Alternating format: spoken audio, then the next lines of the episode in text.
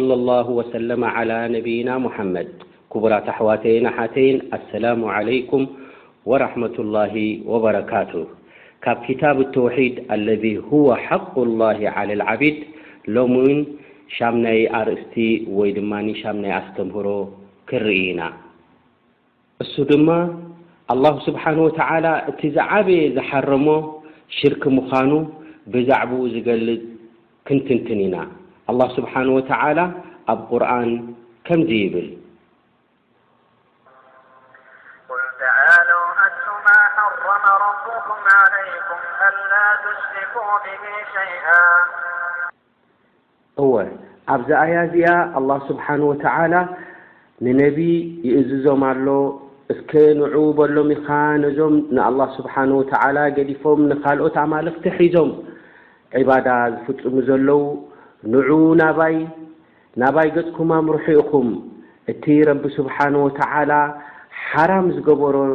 እሞ መቕጻዕቲ ዘለዎ ዝኾነ እንተደኣ ቀሪብኩሞን ኣብኡ ኣቲኹምን ክነግረኩም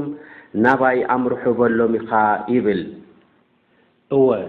ረቢ ስብሓነሁ ወተዓላ ዝሓረሞ ብዙሕ እኮ እንተኾነ እቲ ዝዓበየን ፈለማን እሞ ድማ ከቢድ መቕጻዕቲ ዘለዎ፣ ወይ ውን ንጀሃነም ምስ ኣተኻ ካብ ጀሃነም ንክትወጽእ ዕድል ዘይህበካ ዝዓበየ ሓራም ሽርኪ ስለ ዝኾነ ሽርኪ ዩ እምበኣር እቲ ረቢ ስብሓን ወተዓላ መጀርመርያ ዝሓረሞ ኢልካ ግለጸሎምን ኣብርሃሎምን ተባሂሎም እምበኣር ኣነ ሽርከ ኣዕዘሙል ሙሓረማት ሽርኪ እቲ ዝዓበየ ሓራም ምዃኑን ከምኡ ድማ ንኣላህ ስብሓነሁ ወተዓላ ንብሕቱ ከተምልኽን ክትግዛእን ድማ እቲ ቀንዲ ዝዓበየ ግዴታን ዋጅብን ምዃኑ ይበርሃልና። እወ እዛ ኣያ እዚኣ ኣብ ሱረቲል ኣንዓም ዘላ ብዙሕ ትእዛዛት ዝኣዘዘትን ከምኡውን ብዓሰርተ ለበዋታት ተፈሊጣ ተባሂላ ትፍለጥ ኣያ'ያ። እቲ ዝዓበየ ኣላህ ስብሓነሁ ወተዓላ ካብቲ ሙሓረማት ዝዘከሮ ሽርኪ ክኸውን ከሎ ብድሕሪኡ እውን ረቡና ስብሓነሁ ወተዓላ መብዛሕቱ ግዜ ኣቋሪኑ ዝዝክሮ መሰልን ሓቂ ናይ ወለድን ድማ ምስኡ ኣተሓሒዙ ዘኪርዎ ማለት እዩ። እቲ ኣገዳሲ ነጥቢ ግን ንዓና ዝምልከት ምስ ክታብ ተውሒድ ዝተተሓሓዘ ሽርኪ እቲ ዝዓበየ ዘንቢ ስለዝኾነ ኣላህ ስብሓነሁ ወተዓላ ብኣኣ ጀሚሩ ኣብዛ ኣያ እዚኣ እብኒ መስዑድ ረድላሁ ዓንሁ ካብቶም ዓበይቲ علماء صحابة النبي عليه الصلاة والسلام زنبر انت يبل من أراد أن ينظر إلى وصية محمد صلى الله عليه وسلم الت عليها خاتمه فليقرأ قوله تعالى قل تعالو أتلما حرم ربكم عليكم بر ت ወስያ ወይ ለበዋ ናይ ረሱል ሰለላሁ ዓለይሂ ወሰለም እንታይ ኮን ተላብዮም ኣብ መጨረሻ ይኾኑ ኢልካ እንተ ሓቲትካ እቲ ወስያ ናይ ረሱል ሰለላሁ ዓለይሂ ወሰለም እቲ ለበዋ ናይ ረሱል ሰለላሁ ዓለይሂ ወሰለም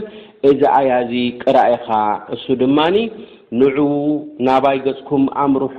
ኢልካ ትእዛዝ ኣዝዞም ዝበሎ ረቢ ስብሓን ወተዓላ ንረሱል ዓለይሂ ሰላቱ ወሰላም ኣትሉ ማ ሓረመ ረብኩም ዓለይኩም እቲ ረቢ ዝሓረሞ እንታይ ምዃኑ ክገልጸልኩም እንተደኣ ኮይኑ ኣላ ቱሽሪኩ ቢሂ ሸይኣ ምስ ረቢ ስብሓን ወተዓላ ሽርኪ ኣይትሓውሱ ኢኹም፣ ምስ ረቢ ስብሓን ወተዓላ ዝኾነ ይኹን መዳርግቲ ኣይትግበርሉ ኢኹም ዝብል እዚ እቲ ወስያ ናይ ረሱል ሰለላሁ ዓለይሂ ወሰለም ይብለና። እዚ ዘረባ ናይ ዓብዱላህ እብን መስዑድ እውን ዘምህረና እንታይ እዩ እንተደኣ ተባሂሉ ናይ ብሓቂ ዓብይ ዝኾነ ሰፊሕ ዝኾነ ዕምቀት ፋህም ናይ ክታብን ናይ ሱናን ከም ዘለዎም እዩ ምኽንያቱ ኣነቢ ዓለይሂ ሰላቱ ወሰላም ወስያ ክህቡ እንተደኣ ኮይኖም ብጀካ በቲ ወስያ ረቢ ሱብሓነሁ ወተዓላ ዝሃቦ ተዘይኮይኑ ካሊእ ወስያ ስለዘይብሎም እሞ እቲ ናይ ረሱል ሰለላሁ ዓለይሂ ወሰለም ለበዋ ክትፈልጡ እንተደኣ ደሊኹም እንሀልኩም እዚ ኣያ እዚ'ዩ ቅርኡዎ ይብል ማለት እዩ። እዛ ኣያ እዚኣ ድማ እንታይ እያ ትኽልክል ዘላ መጀመርያ እንተ ኢልና ካብ ሽርኪ ምኽንያቱ ሽርኪ ዝወደቐ ሰብ ቶባ ከይበለ ካብ ኣዱንያ እንተ ተፈልዩ ኣብ ሓዊ ጀሃነም ምስ ኣተወ ካብኡ ንኽወጽእ ዕድል የብሉን ምኽንያቱ ኣላሁ ሱብሓነሁ ወተዓላ ኩሉ ዘንብታት ኣብ ታሕቲ መሺኣ ወይ ድማ ኣላህ ሱብሓነሁ ወተዓላ ነቲ በደለኛ ብዝበደሎ ዘንቡ ኣብ ሓዊ ጀሃነም ቀጺዑ ንጀና እዩ ዘእትዎ። እንተኾነ ግን ኣብ ሽርክ ዝወደቐ ሰብ ዕድል የብሉን ካብ ጀሃነም ንኽወጽእ። ስለዚ እምበኣር ካብ ሽርክ ክንጥንቀቕን ኣብ ተውሒድ ከነድህብን ተውሒድ ክንፈልጥን ናይ ግድን ይኾነና። ወሰለላሁ ወሰለመ ዓላ ነቢይና ሙሐመድ።